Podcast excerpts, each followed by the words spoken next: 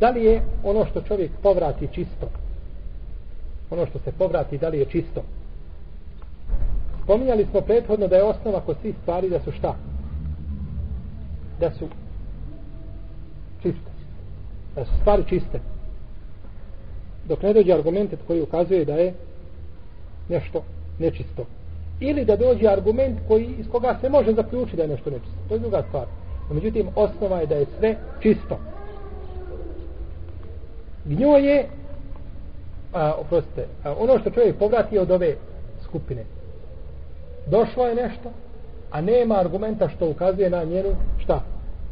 nečistoću. Nema argumenta. Poslanik sallallahu alaihi sallam nas nije ostavio da nam nije pojasnio znači sve što nam treba od čistoća i nečistoća.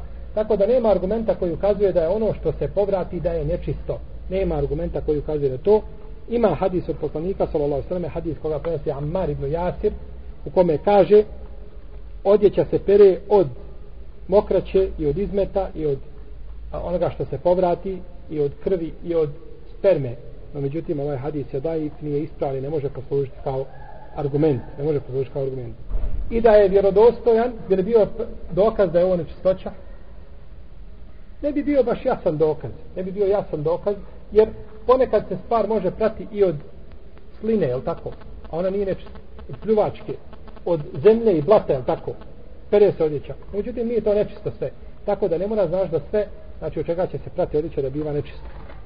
I mi znamo da je Ajša radi Allah anha prala spermu sa odjeće poslanika sallallahu alaihi sallam a kazali smo da je sperma šta? Da je jače mišljenje, da je jače mišljenje da je sperma čista.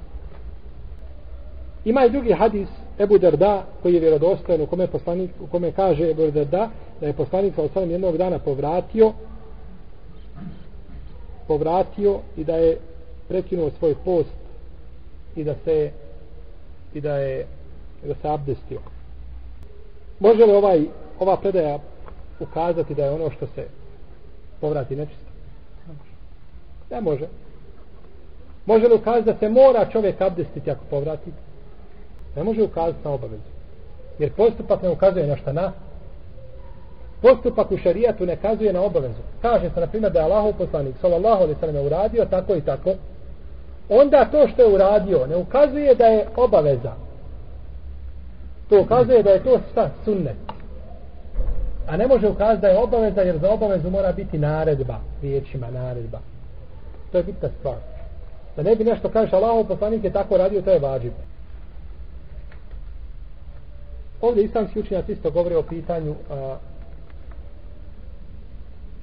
rutubeta ili vlažnosti koja se pojavljuje kod žena ili u spolnom organu žene, da li je to nečisto ili čisto, znači ne, ne misli se na vedi ni na, na vozi, a meni isto o tome što smo govorili, nego jednostavno vla, vlaženje koje se pojavljuje, bilo od puno, kada se puno hoda, kada se puno kreće ili bog napora i slično o tome, ovaj, većina islamskih učenjaka, učenjaka kažu da je to nečisto, a međutim ispravno je Allahu alem da je to čisto i nije sve što izlazi iz dva otvora nije nečisto. Nije nečisto, znači sve što izlazi odnosno ne kvari se abdest.